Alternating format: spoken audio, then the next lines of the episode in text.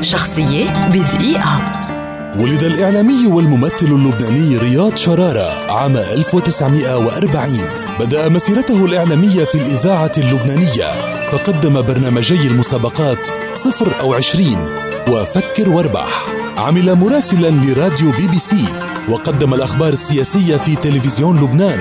لكنه سرعان ما عاد إلى تقديم البرامج الحوارية والمنوعات. فقدم باب الحظ والحصن وفي البحر في البر في الجو وغيرها. وحاور نجوم الإعلام والأدب والفن في برامج كنجوم ولقاء وصيف ونغم. كما عمل في الصحافة المكتوبة فتولى رئاسة تحرير مجلة تيلي سينما خاض تجربة التمثيل والغناء في مسرحية هالو بيروت ومسلسل ناطورة الحارة وغيرها. وأصدر ألبومات شعرية مزج فيها بين اللحن والكلمة منها السيدة حبيبتي وعاشق بالولادة وعاشق حتى الشهادة. رحل رياض شرارة عام 1994 وهو الذي وصف بصاحب الروح المرحة والنكتة الحاضرة والثقافة الواسعة.